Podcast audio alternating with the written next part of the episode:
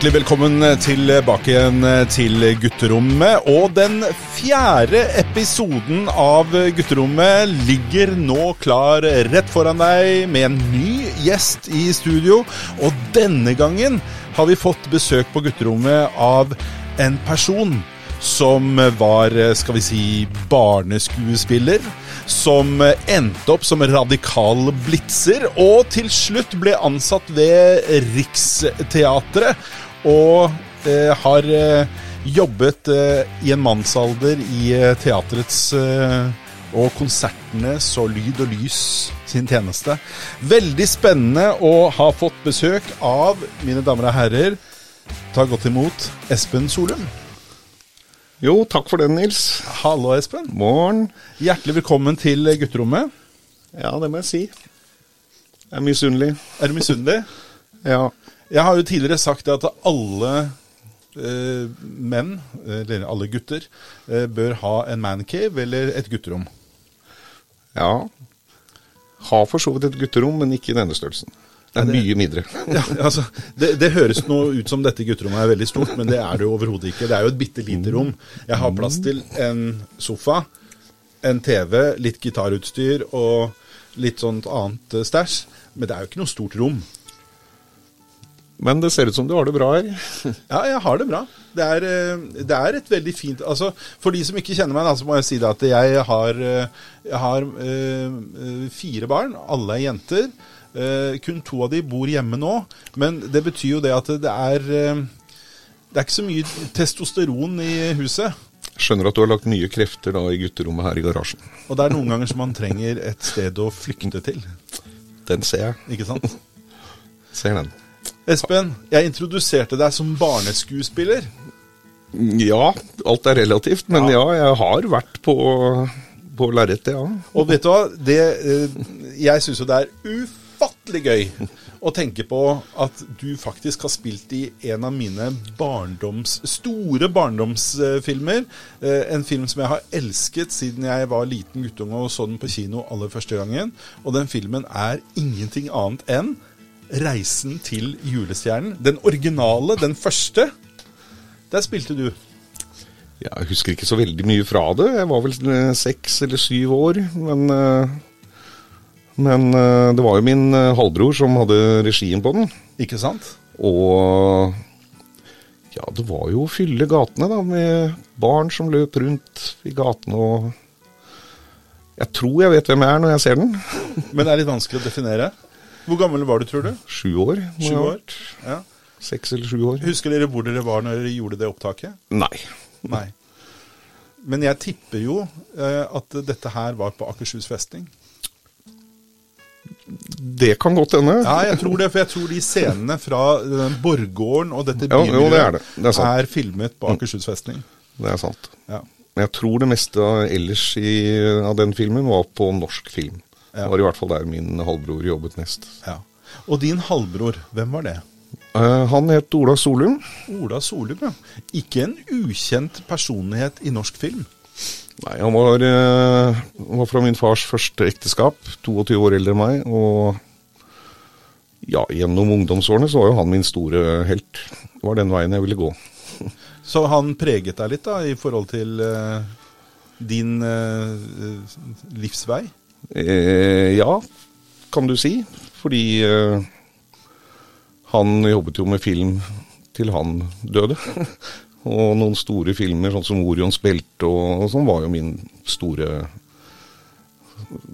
sto, ja, største norske filmen jeg hadde sett. Og det, på det tidspunktet når den kom ut, så var jo det en vanvittig storsatsing. Ja. Med kanskje noen av de mest populære skuespillerne som vi hadde i Norge på den tiden. Det også, ja. Ja. Helge Jordal eh, ja, har også vært min helt etterpå, men det er andre grunner. Ikke sant? Det kommer fra teaterverdenen. Ja. Men eh, Nei, Ola Orion spilte, da var jeg vel en sånn 14-15 år. Og etter det så visste jeg jo ikke helt hva jeg ville drive med. Jeg drev med mye rart. Eh, mye forskjellige ting. Og gøy på skolen, men ikke i de fagene som jeg hadde. mye morsommere å arrangere nissenrock og være med når dramalinjen hadde timer. For du gikk på Hartvig Nissen? Gikk på Nissen, ja, på Ja. musikkteoretisk linje. Og brukte mer tid på dramalinjen. Ikke sant? Og etter videregående så visste jeg jo i hvert fall ikke hva jeg skulle gjøre, så da var det jo Arbeidsløses forening eller Hva var Arbeidsløses forening? Det var en forening for å hjelpe arbeidsløse, og gjerne folk som nettopp hadde sluppet ut fra fengselet eller eh, Ja, Hva gjorde man eh, der, liksom? Altså Du sier for å hjelpe dem. Var det snakk om å få dem ut i arbeid, eller var det å sosialisere dem, eller? Ja, det var mer Det var flere historier, flere som kom og hadde vært på sosialen, og som hadde sluppet ut fra fengsel samme dag. Hadde ikke noe sted å bo. Og de kunne kanskje få et rom om 14 dager. Ja. Da var det å sette oss ned ved Vi hadde to linjer ut. Det var to stykker som satte oss ned ved hver vår telefon og sperret sosialen. Da ringte vi til sosialen, om og om igjen, til de fikk en time. Fantastisk. Men, eh, og det var gøy. Men da Da Ja, jeg visste jo ikke helt hva jeg hadde lyst til å gjøre. Jeg hadde gått noe sånn kurs på lydskolen, eller forgjengeren til lydskolen. Jobbet litt i nærradio. Og inntil da Ola en dag eh, kom hjem til oss på besøk og bare fortalte meg at nå hadde de to sysselsettingstiltakplasser på spillefilmen X, som han var produsent på, så du blir med her, sa han. Og da Da begynte det å gå den veien det har gått. Men hva, hva var oppgavene dine på den filmen, da? Da var jeg rekvisitt-skråstrek lydassistent. Var det der du ble ordentlig bitt av hva kalle lydbasillen? Mm, lyd var det som interesserte meg, eller hadde interessert meg mm, et år eller to før. Men etter at jeg begynte på norsk film, og, eller spillefilmen X, og så litt på norsk film, så var det lys mer og mer Ja, som ble interessen. Så du har beveget deg fra lyd til lys, da? Mm, ja, Ja. kan man si. Mm. Og uh, syns jo fortsatt det er gøy, men det begynner å bli vanskelig å følge med på all data, ny data som kommer. For mye har jo endret seg i eh, den bransjen også, og vi skal komme videre eh, til det etter hvert. Men på et eller annet tidspunkt, eh, Espen, så ble du litt radikalisert. Var det i den perioden hvor du var eh, i Arbeidsløses forening? Eh, ja, og kanskje også årene før det.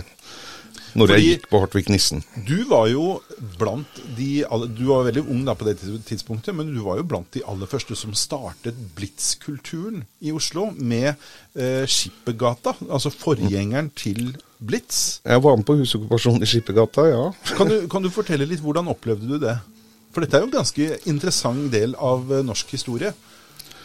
Det var veldig spennende. Jeg var vel 15 år, tror jeg. Og var ikke populært hjemme at, eh, at jeg var der. Det kan jeg jo kanskje. Og det var litt sånn kjedelig. Det ble tatt noen bilder, og da ser man at jeg står på taket med noe plakat. Og mormor, som bodde i Åndalsnes, abonnerte på Aftenpostens aftennummer. Mamma var ikke fornøyd. Men det var jo det. Stein Lillevolden og Ja, for han var primus, primus motor i dette her. Ja. Han ble jo nesten karakterisert som en sånn der eh, riksfiende. Eh, og jeg kan jo forstå at eh, foreldrene dine reagerte kraftig når han var ditt store forbilde. Ja, han var jo han var et forbilde, ja. Det var følge etter han. Han var noen år eldre, så man behøvde ikke si noe. Det var jo bare å gå etter han. Ikke sant? Og, men det var jo ikke bare der. Jeg var jo også en periode med forske på politikk. Begynte da jeg var tolv med Unge Høyre. Det, det var jo ikke så radikalt, da. nei, og så ble det AUF. Ja, Litt mer radikalt, men fortsatt i Og så ble det SU. Nå begynner vi å dra, dra seg til litt her. Og da, rundt 15-årsalderen, så ble det RU. Og da meldte jeg meg ut med en gang. det var ikke så Ja ja, det var spennende å være sånn hemmelig telefonvakt under demonstrasjoner. Så hvis det ble bråk med politiet, noen ble tauet inn, så ble man ringt opp og fortalt hva som hadde skjedd, og skulle spre det videre. Ikke sant? Men vet du at jeg har også vært medlem av Unge Høyre? Mm -hmm. Mm -hmm. Jeg var medlem eh, stort sett kun pga. festene. Det kan jeg jo skjønne. Så hvis jeg, hvis jeg husker rett, så tror jeg det var det første stedet jeg drakk som barn. Eller som ungdom. Jeg drakk alkohol. Jeg var på Unge Høyre-fest i Sandfjord. Lekkert. Ja, man eh, Hva skal man si? Man lærer. Man lærer, men uh, sånn er det. Uh, si, la politikken ta deg før idretten tar deg, ikke det? Et eller Ja. annet. Men eh, eh, jeg syns jo det er, det er spennende dette med oppstarten av Blitz og det som skjedde rundt det. Hvor lenge var det med der? Til det var på vei over til å bli Blitz. Til man Til det kom et hus i bytte mot Skippergata. Eller en For det var en avtale som eh, kommunen gjorde det. Ja, som jeg skjønte det, ja. Og det eksisterer jo den dag i dag. Ja, det ble flyttet et, et hus til, men Blitz, ja, det eksisterer. Ja, Og det har hatt sin funksjon. ja det tror jeg Og har. Ja. Skjedd mye morsomt her òg. ja, Som hva da? Nei, det er noen konserter og folk man møter og Og hvis jeg var blakk, så var det å gå dit og spise. Ja. Men du sier folk man møter. Eh, eh, møtte du noen som overrasket deg? Som plutselig du ikke hadde tenkt at ville dukke opp der? Og sånn, ja. Jo, jeg møtte lillebroren min, Ok. faktisk. Og da var jeg egentlig ferdig der for lenge, eller for noen år siden. Men jeg var innom for moro skyld. Da hadde jeg vel begynt å jobbe på ja, Operaen eller Riksteatret. Og der var jommen broren min. ok. En del av Blitz-miljøet? Ja Jeg tror aldri han ble ordentlig med i Blitz, men Var han like radikalisert som det du var? eh, Nei. det var han ikke. Var du med på noen heftige demonstrasjoner? da? Det var ganske mange demonstrasjoner i løpet av de årene, ja. For Lillevolden han kom jo i eh, klinsj med politiet opptil flere ganger. ja. Så aktiv var jeg ikke. Jeg var ikke med på alle de aksjonene. Hvor han eh, Nei, Tok helt av? Nei, det var ikke. Nei, Jeg tror kanskje han syntes jeg var litt ung og plagsom òg. kanskje. Vet, vi, har, vi har alle vært unge og plagsomme en periode. Og jeg også hadde en eh, person som eh, ble en sånn, et forbilde. Jeg skal ikke si at vi har noenlunde samme bakgrunn, men jeg har jo også vært i nærradio. Eh, og jeg starta veldig tidlig. Jeg begynte i nærradio i en alder av 13 år. Så begynte jeg i nærradio. Det var liksom når nærradio starta i Sandfjord. Uh, og uh, jeg husker eh, min mor sa til meg at eh, du må finne på et eller annet, gutten min. Du kan ikke bare fly rundt og henge. Eh, så liksom sier jeg, hva, hva tenker du på, liksom? Nei, du, du må finne på noe idrett eller et eller annet sånt. nå. Hvis ikke du klarer å finne på noe, så kommer jeg til å melde deg på fotballen, sier mora mi. Og det er klart, det var jo litt av en trussel til meg, for jeg hata jo fotball. Og så sier eh, jeg det til en eh, kamerat av meg. Vi gikk ned i sentrum, og så sier jeg at eh, jeg, jeg må finne på et eller annet, liksom, for ellers blir jeg meldt opp på fotballen. Det er trusselen. Eh, ja, hva interesserer du deg for, da? sier han. Så sier jeg nei, jeg syns jo det er gøy med sånn elektronikk og teknikk og alt mulig sånt. da. Så sier han ja, men jeg så i avisa at eh, de har åpna nærradio. Det ligger oppe på gamle Sandefjords Bladbygget. Skal vi ikke stikke opp der, da? Og det gjorde vi. Tusla vi opp på eh, gamle Sandefjords Blad-bygget. Det lå vel da på det tidspunktet i Kongens gate, hvis jeg husker rett. Eh, tvers overfor, eh, Det er det bygget som ligger tvers overfor eh, Verdensteatret. Det gamle bygget der. Ja visst. Ja. Og så eh, kom vi opp der, og der sitter det da en haug med piperøykende eldre karer. som sitter og ser opp og ned på den pjokken som kommer opp. Og så sier jeg hei, jeg heter Nils. Jeg har lyst til å begynne med nærradio. og dette var jo seriøse folk, vet du. Men så sier de det at ja, du får ta og stikke ut i teknikken. Der sitter en kar som heter Jon. Han viser deg hvordan dette funker. Og der traff jeg da eh, en fyr som het Jon Sørum, som eh, ble eh, mitt store forbilde. Han, eh, jeg vet ikke, han er ni år eldre enn meg, eller noe sånt nå, så han var jo da godt opp i 20-åra. Og verdens kuleste fyr. Han kjørte gelendevagen. Uh. Ikke sant? Det er kult. Og han hadde eget mobilt diskotek. Og det blir jo ikke kulere. Så veien fra å være i nærradio og over til DJ, det ble jo ganske kort for min del. Var det jeg skulle til å spørre om. Er det han som uh, Han viste som, deg veien å gå eh, for å bli DJ? Og, som jeg har hørt du har vært? På samme måte som også du da ble preget av uh, dine forbilder. Men det var jo ikke Lillevolden som dro deg videre i karrieren, det var jo da din Ja. storebror. Ja, min storebror. ja. Mm. Men det er ikke han som uh, fikk meg til å begynne med teater. Det var jo film som var mitt store mål Ja. Da. Hvordan kom du deg fra film og over i teater? Eh, egentlig helt tilfeldig, fordi jeg så en annonse i avisen hvor de trengte lydtekniker på Den Norske Opera. Ja. Da hadde jeg jobbet, etter den spillefilmen gikk, så hadde jeg jobbet i fire-fem måneder på norsk film på lysavdelingen. Så jeg søkte på den, og fikk den. Spennende.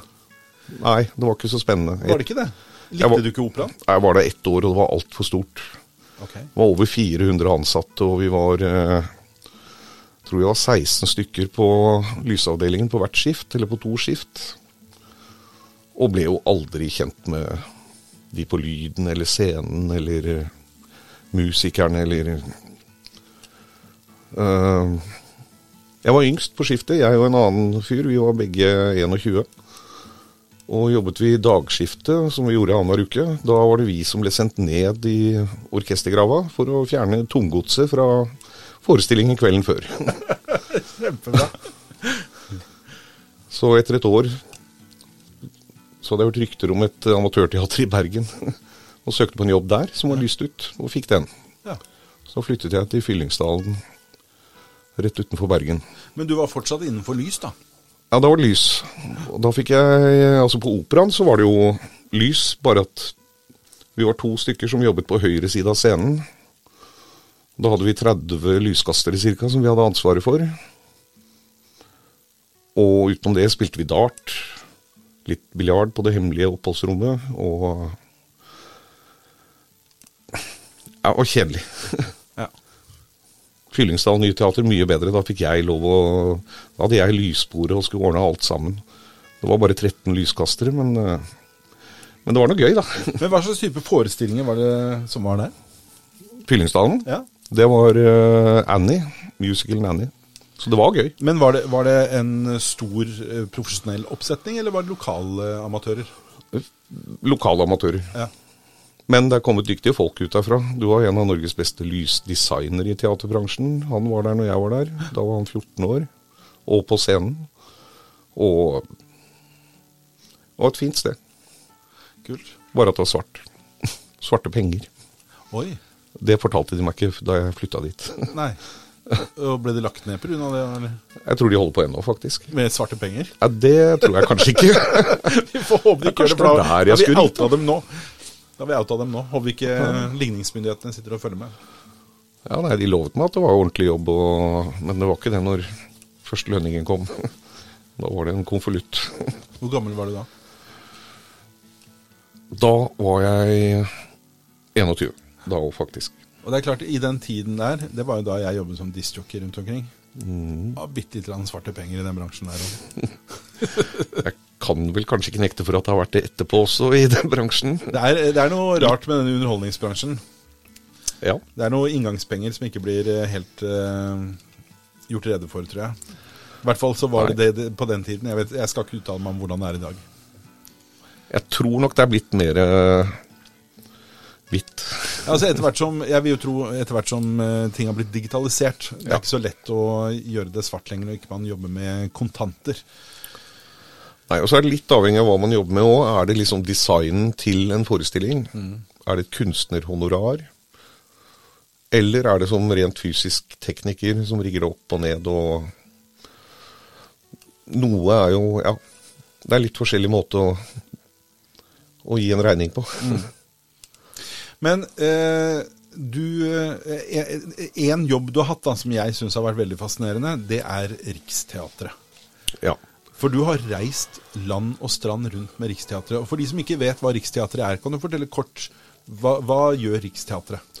Så Riksteatret er et uh, statlig teater, eller støtt, støttet av staten.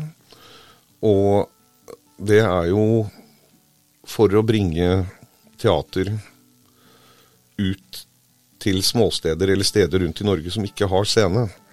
Eh, som har scene, men ikke har noen til å spille på scenen. Ikke sant? Og da, da jeg begynte, så var det jo 300-400 spillesteder rundt i Norge. Fra den minste lille avkrok der hvor ingen skulle tro at noen kunne bo. Eh, Nå er det vel en 60-65 steder igjen. Det er blitt strammet inn. Det er fortsatt ganske mange, da? Ja da, absolutt. Men Men, nå er det steder som er i orden. Ikke sant? Men 400 steder. Mm. Eh, kan du nevne et par steder som er sånn som ingen kunne tro? Jeg har vært, uh, hatt forestilling i Terrock i Nord-Trøndelag. Har ikke hørt om engang. Nei, det hadde ikke jeg heller før jeg var der. Selv om familien kommer fra Overhalla, ikke så langt unna. Men var det, eh, var det sånn forsamlingshus eller eh, noe sånt Ja. som dere var på der? eller? Et grendehus, på en måte. Grendehus, ja. Men når man da reiser rundt da, hva slags type forestilling, hva slags type skuespillere, hva er det som kommer på besøk til dette lille stedet da? Ehm, på det lille stedet så kom nok ikke alle forestillinger. Eh, men det som er igjen nå, de 60-65 stedene som er igjen Bente Eriksen som begynte å kutte ned til steder hvor vi da eh, kom litt flere ganger i året. Ja. Terrok de hadde jo glemt at det fantes teater. For det hadde ikke vært noe riksteater der på fire år. Og stedene nå er liksom forskriftsmessig lovlige og sikre. Så da skal det være liksom fra Karius og Baktus i dukketeaterformat opp til uh, Robin Hood i uh, Sherwoodskogen Ja. med 20 stykker rundt seg. Noe som passer for alle. Noe som passer for alle. Men er det, Det kan være fra det viktige, eh, alvorligste monologer til de livligste musical. Men er det da en forestilling som man reiser eh, rundt hele Norge med den ene forestillingen, eller har man en à la carte-meny man kan velge fra? Um, Riksteatret har eh, mm, Hver sesong så er det sånn fire til seks forskjellige forestillinger. Sesong er vinter-vår eller høst. Altså vinter-vår er en, og høst er en annen. Og da er det en sånn fire til seks forestillinger. Det kan være fra minste monologen til den største musicalen. Og de går ikke ut helt parallelt, men det er liksom som regel fire-fem turneer ute samtidig fra Riksteatret. På forskjellige plasser rundt i Norge. Og, og skuespillerne som er med, er det skuespillere som folk har hørt om? Uh, ja, det, det Altså, begynte, Kunne man møte hadde- Bjørn Sundquist f.eks. på uh, Riksteatret? Ja, jeg har i hvert fall vært på turné med Kim Haugen, Anders Hatlo, Toralf Maurstad, Wenche Foss, Er det mulig? um, Rolf Søder. Det er jo fantastisk. Og mange som har kjente skuespillere nå, som begynte på Riksteatret. Som første jobb etter teaterskolen. Og det som også var fint for meg, og andre da, med Riksteatret, er jo at det er en Altså Da jeg var 16-17 år, så var det jo skole jeg lette etter.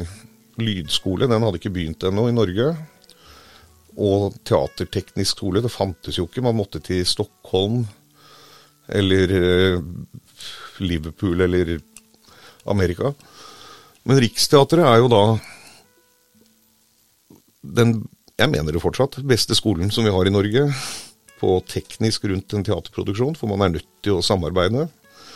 Lys er nødt til å samarbeide med scene, og er nødt til å samarbeide med lyd. Alt skal plasseres riktig på scenen. Kompromissene man må inngå på de forskjellige stedene, for ikke noe spillested er likt det forrige. Og man må gjøre det igjen for å få det ferdig, for å få det rigget opp i tide. Og ned igjen etterpå i tide, så er man nødt til å gjøre et samarbeid. Det var det ikke på operaen. Nei. Og Fordi det var så mange? Fordi det var så mange, og min avdeling ly og lyset, der skulle jeg holde meg hvis jeg skulle prøve å flytte på noe på scenen. Da ble jeg jaget bort, for det var scenearbeidernes jobb. Ja. Og lydavdelingen, lydstudio, ha, kunne jeg bare glemme. For det hadde ikke jeg noe med. Jeg jobbet med lys, Vanntette skott mellom avdelingene. mildt sagt. Ja. Men i Riksteatret så ble det eh, tettere. Hvordan var eh, samarbeidet mellom dere som jobbet i produksjonen, og skuespillerne? Hvor mye hadde du med de skuespillerne å gjøre? Uh, mye. Så Det- Når du reiste med Toralf Maurstad, v- kunne du sitte på en pub med han på kvelden og ta en øl, liksom? Å ja. Det skjedde. Vi har vært på to turneer. ene var på buss, og andre var med båten Innvik. Uh, det var med hans selvbiografi. Og vi satt uh, mye på pub. Han var glad i det? Ja, han var glad i det. Og det var med også på den båten Innvik, var det også med en liten gruppe fra, fra eh, Hordaland teater. Og tre jenter som var på scenen. Han var glad i det òg, han. Det, det er et rykte jeg har hørt uh, tidligere. Ja, Ja. men eh, har jo vært på morsomme turneer også med andre skuespillere. Kim Haugen og Anders Hatlo. Det er jo fantastiske folk. Og for de som eh, ikke vet det, Anders eh, Hatlo, eh, det er jo mannen som kanskje i dag de fleste kjenner stemmen til. Ja, For han er jo faktisk eh, stemmen bak Fire stjerners middag. nettopp. Det er ikke så mange som har skjønt det, men en av Norges fremste skuespillere. Riksteatret hadde jo samarbeid eh, har jo samarbeid eh, Er det en gang i året med et annet teater. Hvor man drar på Stykket settes opp på det andre teatret og på turné. Um, så Kim Haugen og Anders Hatlo var jo med fra Oslo Nye. en samarbeid med Oslo Nye. Det som var morsomt med de, er at de syntes det var mye morsommere å sitte på i teknikerbussen. Så de ble igjen når skuespillerne dro, ofte, etter forestillingen for å sitte i bussen sammen med oss. Det var mye morsommere. Og det fins faktisk noen bilder av Anders Hatlo som kveiler skjøtekabel. Det, det tror jeg ikke har vært så ofte. Og det tror jeg ikke er mange andre skuespillere som har gjort eh, etter den, for å si det sånn. Nei, Nei, det, jeg husker ikke så veldig mange andre, nei. Det er ganske imponerende. Så Men Norges store diva, du nevnte jo hennes navn også. Wenche Foss, Wenche Foss. ja, fantastisk. Hæ? Få lov til å reise på turné med Wenche Foss? Første gangen hun kom til Riksteatret, så ja, var vi litt skeptiske, for hun hadde jo med sin egen sminkestol, garderobestol, og sin egen maskør. Som hun hadde med fra. Hun var så diva. hadde med fra Nationaltheatret. Og, men hun var fantastisk, og så utrolig Hun var smart, og så utrolig snill. Og hun hadde lov å ha med en maskør. Men var hun inkluderende med dere Ja. som Ja, ja. var i produksjonen? ja, absolutt. Og han eh, maskøren var jo også veldig ok fyr. Så han ble sjef på sminkeavdelingen til Riksteatret. Han gjorde det. Og er der fortsatt. For jeg, jeg har faktisk møtt eh, Wenche Foss eh, en gang. Mm. Eh, det var også da mens jeg jobbet i nærradio. Fordi eh, på den tiden så skulle Det var en, hvis jeg husker rett, en ny eh, eh, redningsbåt som skulle døpes. Og gudmoren var Wenche Foss. Oh. Og Sissel Kyrkjebø var der også. Eh, så det var litt sånn stor ståhei. Og da var jeg liksom eh, utskremt medarbeider fra nærradioen. Og fikk muligheten til å intervjue både Sissel Kyrkjebø og Wenche Foss. Eh, så min oppfattelse av Wenche Foss var jo også veldig positiv. Hun var en veldig hyggelig og inkluderende dame. Som kanskje ikke eh, utad eh, Man fikk opp, eh, opplevelsen av at var veldig diva. Eh, sånn som pressen kanskje, og historien i etterkant kanskje har eh, portrettert henne som. da. Det som var med henne også rundt scenen, eller på en turné, hun fikk hjelp til alt. Hun ba om hjelp til alt, og hvilken vei hun skulle gå i korridoren, og hvor var garderoben og Men på scenen, der trengte hun ikke noe hjelp. Nei, Hun var jo en magiker. magiker. Hun kviet seg heller ikke for å spørre om hjelp bak scenen. Nei. Så ja, hun var magiker. Veldig flott. Glad jeg opplevde henne. Og det Det får aldri sønnen min. Nei, det, altså, det er jo eh, et stykke historie. Men tenk på det med du og nærradio. Ja. Jeg har jo også vært i nærradio. Og det var nok omtrent samtidig. Det var akkurat gitt ut en del konsesjoner i Oslo og Norge på nærradio. Og jeg hadde gått noen kurs Forgjengeren til Norges lydskole, både med firespors, åttespors, 16-spors mikser og nærradio. Og da fikk jeg eh, Det var jo frivillig, da. Men eh, jeg skulle vært tekniker da i Radio Klassekampen. Og ble overrasket første gangen jeg kom dit, for da fikk jeg spørsmålet 'Hvor er platene dine?' Å, skulle jeg ha med plate, liksom? Ja, nå er det fire timer du må fylle med musikk. Vi er nødt til å bruke tiden vi har fått. Men, og de hadde ikke noen plater selv. Nei, og det var ingen i studio heller som skulle si noe. Var bare musikk. Bare musikk, ja. Oh, oh. Og, men jeg brukte det fremover. Da tok jeg med musikken jeg ville ha. Og Hvis jeg visste det var en fest, så hadde jeg tipset de om hvilken radio de skulle sette på. Og det minner meg om min aller første sending i nærradioen. Eh, og på den tiden så var det sånn at eh, i hvert fall så følte jeg det, at alle hørte på nærradioen. Det var liksom det nye store. Eh, og jeg tror det var veldig mange som hørte på det, i forhold til hva det er i dag. da. Og jeg hadde fått tildelt da, jeg tror det var en time eller to, som skulle fylles med musikk. Og det i seg selv var ikke noe stort problem. Det klarte jeg, og de hadde jo da et platearkiv, så jeg kunne bare gå og hente den musikken jeg trengte. Men jeg måtte jo snakke. Så jeg måtte starte og introdusere meg selv. Og fortelle at hei, jeg heter Nils, og jeg skal spille litt musikk for dere den nærmeste timen. Ikke sant? Og jeg skulle ikke si noe mellom låtene, jeg skulle bare si det akkurat idet jeg starta. Og jeg var så nervøs. Og jeg trodde hjertet skulle hoppe ut av kroppen. Og jeg, jeg er helt sikker på de som hørte det, de hørte bare at jeg bare skalv i stemmen. Vibratoren er, er ikke original, for å si det sånn. Så eh, det, det prega meg veldig. Men når jeg var ferdig Jeg var så stolt. Så jeg, jeg, liksom, jeg gikk ut av studio og ut på gata, og så tenkte jeg nå ser alle på meg, for nå har alle fått med seg at jeg har spilt på nærradioen. Det var liksom noe av det største jeg hadde gjort i hele mitt liv. Så stolt var jeg. Ja, jeg husker jeg også var veldig stolt, men jeg sa ingenting i mikrofonen. Selv om jeg fikk beskjed om at du må gjerne si noe også.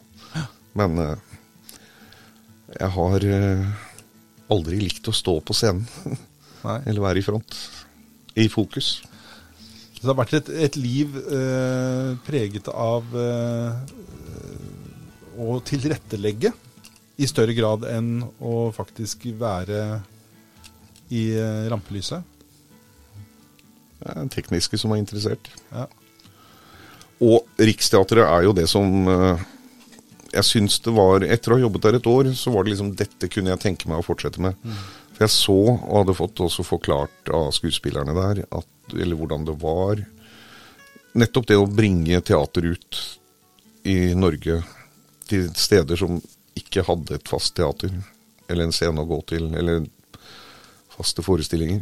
Jeg syns det hadde, og har, virkelig en mening. Det er jo en viktig misjon for å spre kultur. Ja. Og så var det utrolig fint også med Jeg var jo tolv år fast på landeveien, og så var jeg ni år til som en avdelingsleder. Men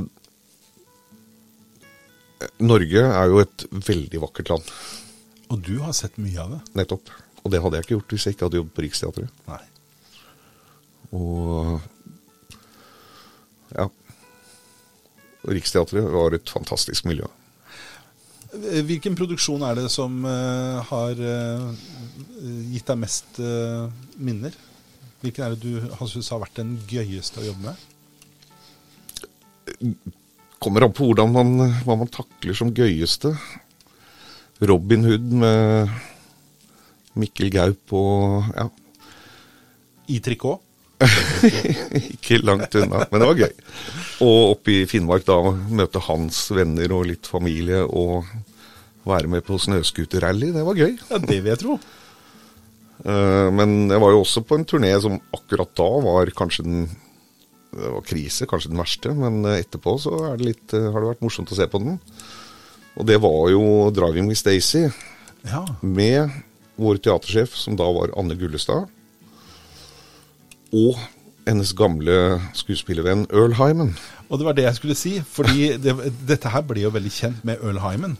Og for de som ikke vet hvem Earl Hyman var, så var han eh, stor norgesvenn. Det ble vel snakk om at han også hadde norske aner, eh, noe jeg er litt usikker på, fordi eh, han var jo mørk. Eh, og eh, for de som klarer å huske veldig langt tilbake i tid, og nå er vi på 80-tallet, så var han bestefaren i The Cosby Show. Yes, det var han. Det er morsomt. Og han ble jo stor norgesvenn. Ja, og det er tilbake til, seks, til slutten av 60-70-tallet, tror jeg det var, hvor han og Anne Gullestad ble gode venner. Han var hos gjorde forestillinger i Norge. Ikke helt sikker på hva, men vi var veldig spent på denne turneen. 'Driving Miss Daisy'. Den ble jo etter hvert døpt om til eh, 'Driving Me Crazy'. Hvorfor det? De ble bitre fiender. Nei! Etter å ha kjent hverandre siden 60-tallet. Yes.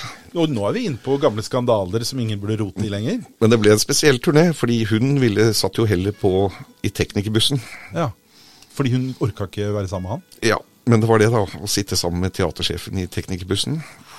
La det en liten demper på stemningen, eller? Ja Litt.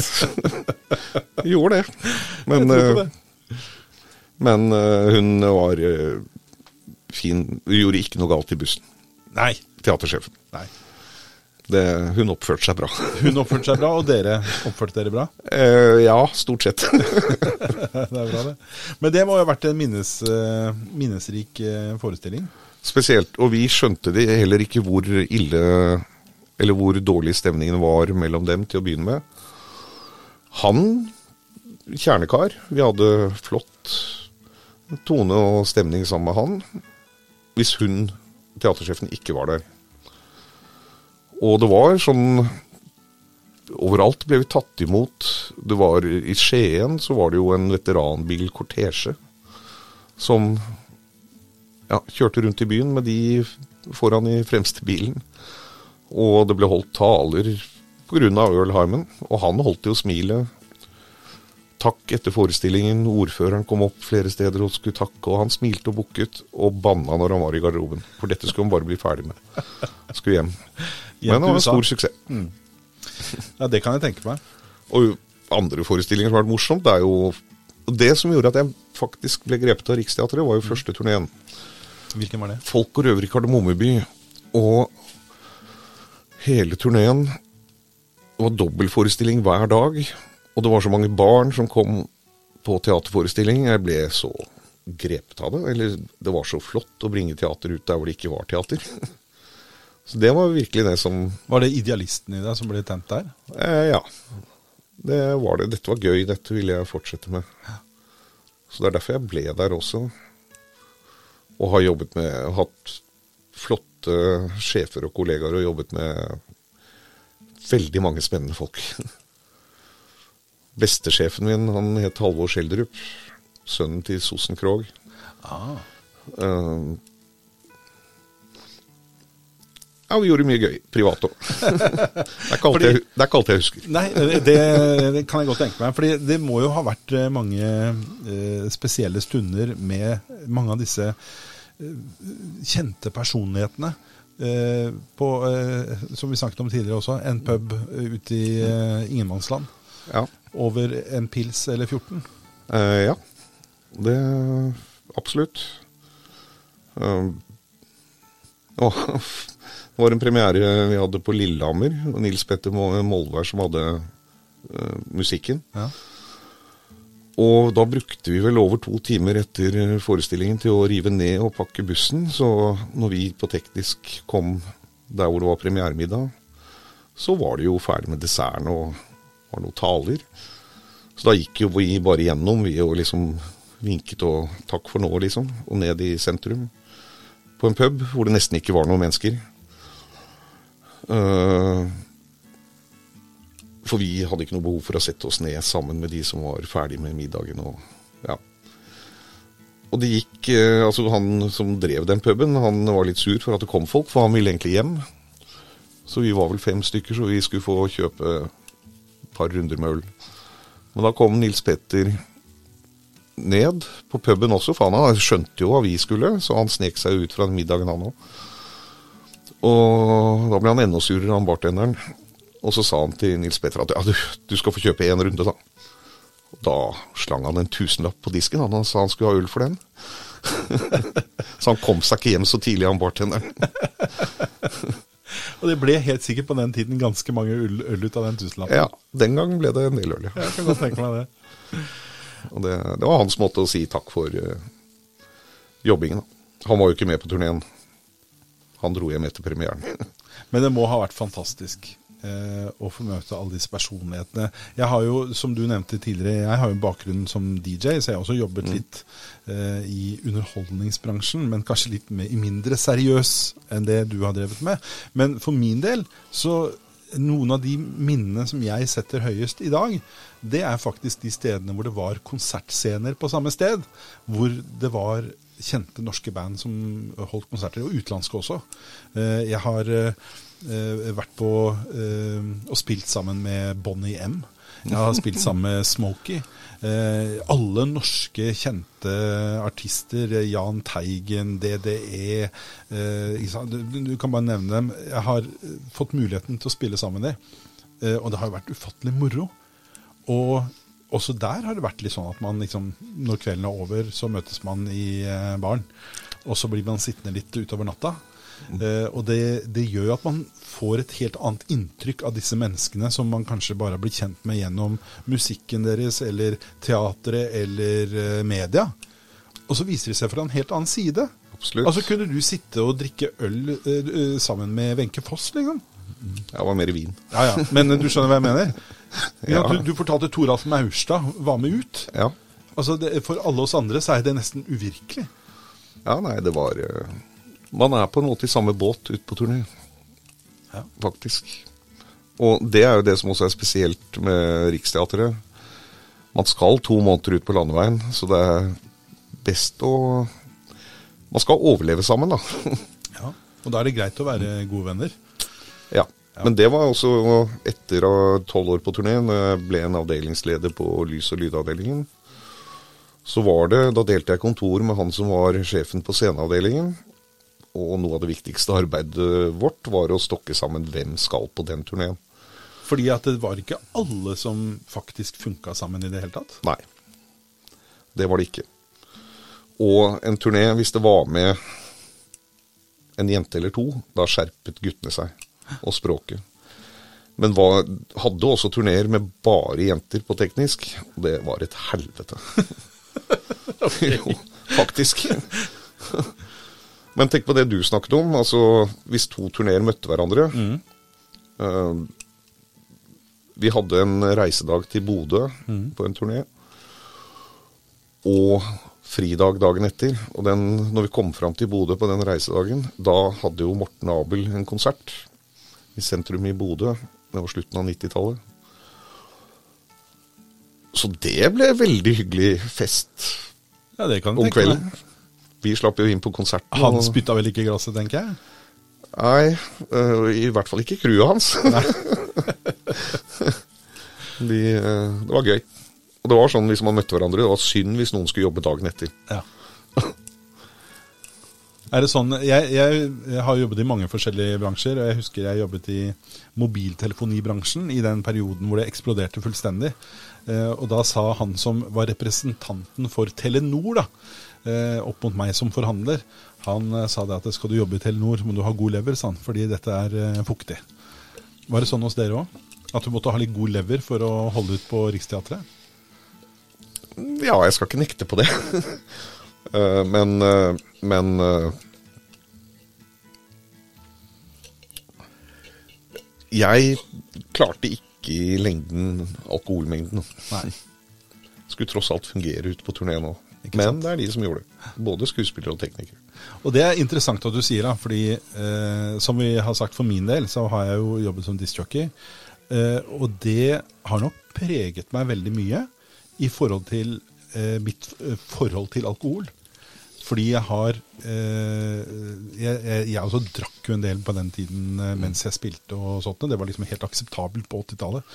Men eh, jeg har jo sett så mye fyll. Og jeg har sett så mye fulle folk, og jeg har sett så mye dumme ting som har skjedd pga. fyll, at jeg har egentlig fått det litt sånn opp i halsen.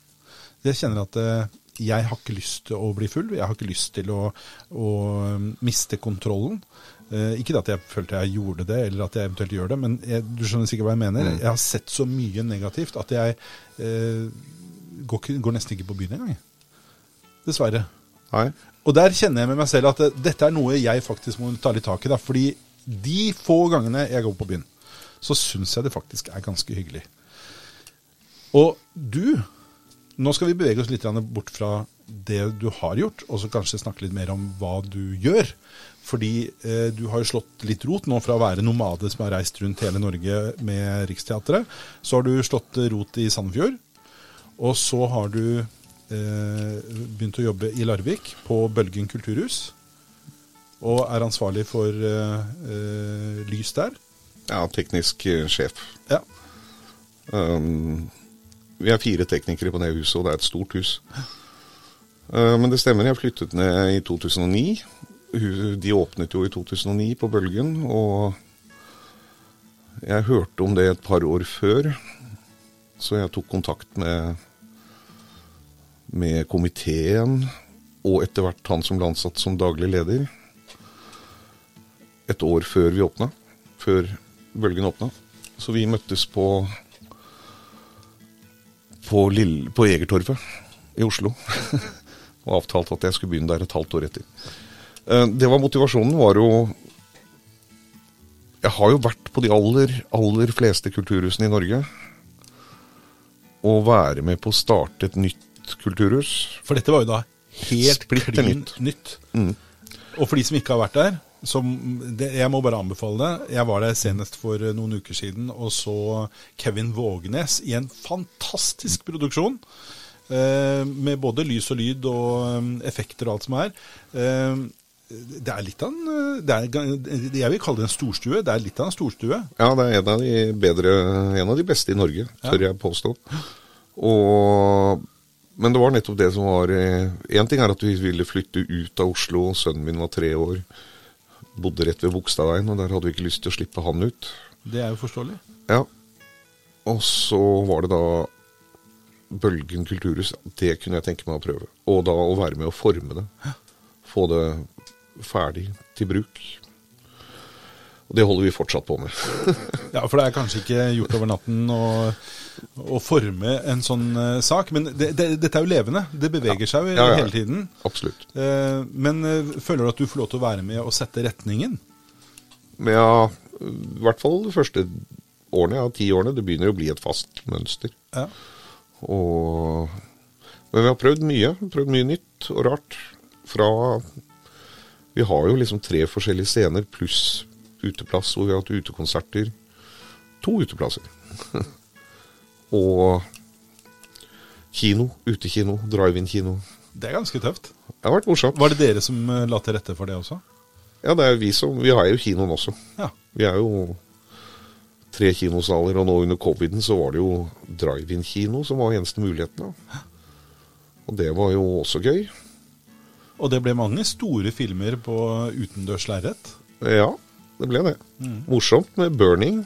ikke sant? Og den var jo sist en, den kvelden, klokka 11 om kvelden. Sto og presset utenfor de bilene som ville inn og se filmen. Og når porten åpnes, så var det rett inn med noen Mustanger og på første rad. Men det var en Nissan Leaf som klarte å presse seg inn mellom to Mustanger. Alltid en Nissan Leaf som presser deg mellom. Og gjett hvilken som ikke startet etter filmen. Eh, Nissan, tenker jeg. Ja, og tom for strøm. Så uh... Det er veldig bra.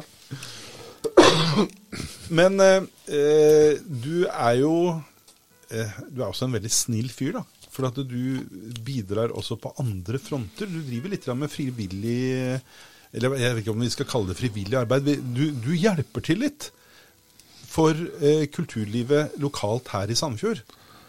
Og det imponerer meg litt. For vi har eh, det er ikke så veldig mange steder igjen nå av de klassiske konsertstedene, altså de, hvis vi kan kalle det kommersielle da, aktørene som arrangerer konserter og utelivet. Det er ikke så mange igjen av de. Nei. Men vi har én som biter seg fast her i Sandefjord, som heter The Note. Eh, og jeg syns det er helt fantastisk at de holder på. og Jeg syns det er fantastisk at de får det til. På tross av covid og alt det som har vært eh, de siste årene, så har de klart å holde ut med et lojalt publikum. Og ikke minst et eh, lojalt Kultur-Norge, som faktisk kommer og stiller opp og spiller konserter. Men så kommer du og tar med deg den kunnskapen du har om lyd og lys, og så hjelper du til og skaffer utstyr og rigger til og ordner gratis. Det er jo mest, uh, som du sier, uh, det trengs eller Det er ikke mange steder igjen i Sandefjord. Og akkurat Note uh, Jeg kjenner jo litt folkene som er rundt. Rundt øh, Martin og ja, de som driver Note. Han er jo en kjernekar. De er jo veldig hyggelige og leier ut lokalet veldig billig til, til øh, Eller rimelig, da, til øh, folk som eh, øver i studio med sine band og, og i samme huset. De flyttet eh, fra ett hus, eller ett lokale, til et annet. Januar for to eller tre år siden. Og så gikk det to måneder, så kom jo coviden. Og der de er nå, så har du Du har jo puben i første etasje, så har du konsertlokale med rockekonserter i annen etasje. Og så har du matinélokale, eller hva man skal kalle det, i kjelleren med søndagsjazzen og noen dype stoler og Veldig kult sted, som vi trenger i Sandefjord. Men de har jo ikke penger nå etter coviden. så de har fått litt gammelt utstyr, så det, jeg ble spurt om jeg kunne se på de gamle bevegelige lyskasterne og, og kanskje hjelpe dem med et gammelt lysbord. Og, og jeg, jeg, sa jo ja, da, så det har gått med en del timer. Ja, det tror jeg på. På loftet hjemme. Må skru det fra hverandre og sette det sammen igjen. Men det er morsomt å kunne hjelpe til på et sånt sted. Det er også en kompis i Son. Hver høst så har jeg vært der og hjulpet til med kulturdøgn i Son, uten å tjene noe penger på det. Og det er gøy. Det er gøy nå. Men jeg, jeg, får liksom en følelse, når man liksom summerer opp de tingene vi har snakket om nå, så får jeg en følelse at vi har en fyr som, eh, som er en idealist innenfor kulturlivet. At du er det. Eh, du, du, vil så gjerne bringe kulturen, kulturen ut til folket. Og så så er det liksom det som blir drivkraften din, da. Selv om det ikke kanskje er en uh, livsnødvendig jobb eller yrke, så syns jeg det er uh, utrolig viktig at folk uh, får med seg Eller at det er et kulturtilbud til folk, da. Og det er jeg helt enig med deg i. Og jeg tror ikke vi skal eh, vi, vi, kan ikke underdrive hvor viktig dette faktisk er. da, og Spesielt så har vi sett det nå i løpet av covid, hvor vi har vært frarøvet denne muligheten. Ja. Så har vi sett hvor stort behovet har vært. og eh, Dessverre så er det sånn nå, når ting har begynt å normalisere seg, så er det sånn at jeg tror mange eh, kulturinstitusjoner opplever at det er litt vanskelig å få publikum for tiden. Mm. Så kanskje vi skal slå et lite slag for det. Eh, at eh, folk må komme seg ut. Eh, ikke gjøre som meg, men eh, komme seg ut og faktisk benytte seg av de kulturaktørene vi har i by og land. Mm. Det syns jeg er viktig. Og Bølgen kulturhus har et uh, Repertoaret er ganske bra og vidtrekkende. Altså. Fra liksom Vi hadde Residence i forrige uke, som det heter, som er et backstreet-band fra tidlig 70-tallet. Tøft. Til, ja nå kommer Vamp i neste uke, ja, om to uker. Og mange, det er mange show hele året. Standup, konserter, you name it. Det trives så bra med det. Det er veldig veldig morsomt. Og jeg, Vi to vi kunne sitte og prata kjempelenge sammen, men tiden flyr. Eh, det går så fort. Og så er det sånn, da kjære venn, at eh, de som er eh, med på denne podkasten, de får også en liten utfordring.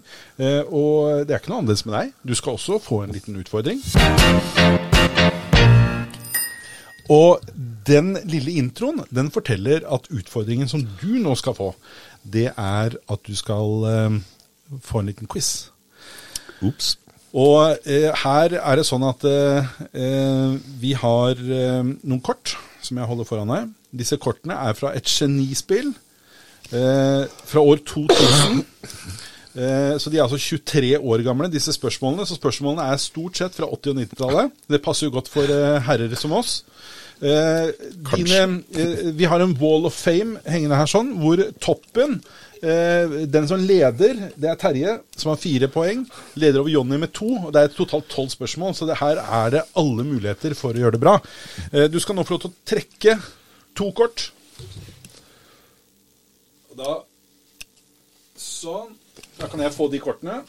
Sånn. Takk for det. Og da har eh, Espen trukket to kort. Kan jeg google? Nei, du, telefon i lomma.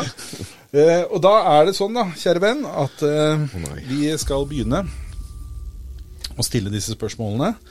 Eh, og du får ikke mye tid til å tenke, eh, men vi skal prøve å holde litt styr på poeng og litt sånt der, da. Er du klar?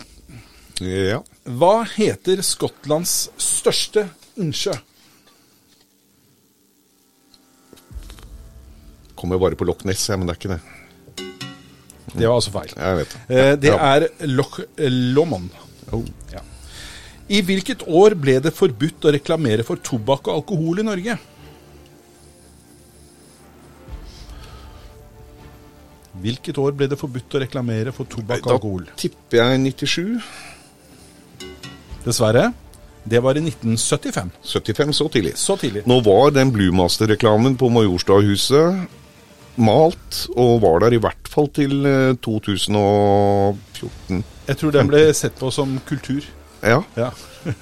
men det, var reklamen var innenfor. der. I 1980 ble eh, Einar Jan Aas den første nordmann i Nå mener du fotballag? Ja, kanskje. Men hva var, den, hva, var, hva var han den første nordmann til å gjøre? Jeg vet ikke. Spille engelsk fotball. Ja, nettopp. Da var da jeg inne på det, da da. fikk du en feil der òg, dessverre. Du skjønner, dette er ikke lett. Det er ikke lett. Eh, hvilket eh, dikterpar bodde på gården Midtbø i Telemark? Dette er, jo, dette er jo rett i din kulturgate. Sikker på det? Haldis Moren Vesaas og Tarjei Vesaas. Ja, ok. Den burde du tatt. Fra hvilket land kommer Yusso Endor? Jeg vet ikke hvem det er engang. Han eh, spilte sammen med Nenan Sherry. Amerika? Senegal. Sjette spørsmålet. Hva heter løsmasser som har blitt avsatt rundt eller under isbreer? Og du, du står på en nå. Det ligger en rett under oss. Skal man kalle det fundament? Man kunne kanskje gjort det. Er det ditt endelige svar? Ja, det blir det. også. Det heter morene. Ok. Ok, Seks spørsmål, ingen poeng ennå. Men du har muligheten. Syvende spørsmål. Fra hvilket land stammer retten gulasj?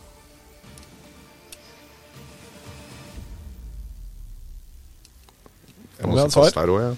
Si India, Ungarn. Ungarn. Ungarn. Hvem var den såkalte torskekrigen mellom? Torskekrigen. Torskekrigen? Var det mellom Norge og England, da? Ah, nesten. Det var eh, mellom Storbritannia og Island. Island, ja. På hvilken distanse fikk eh, Are Nakkim i 1990 EM-medalje?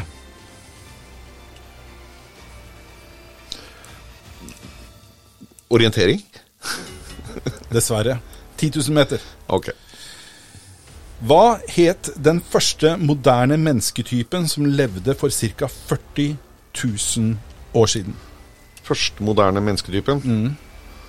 Neandertaler? Eller Homo sapiens? Eller Homo erecta? Kom, nå kom det veldig mye forslag her, så jeg sier feil.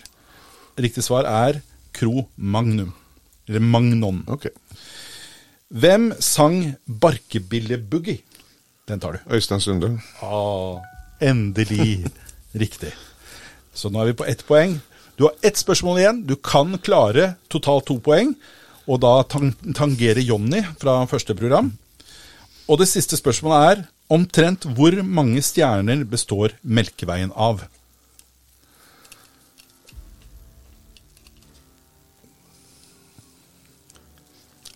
Skal vi si to milliarder?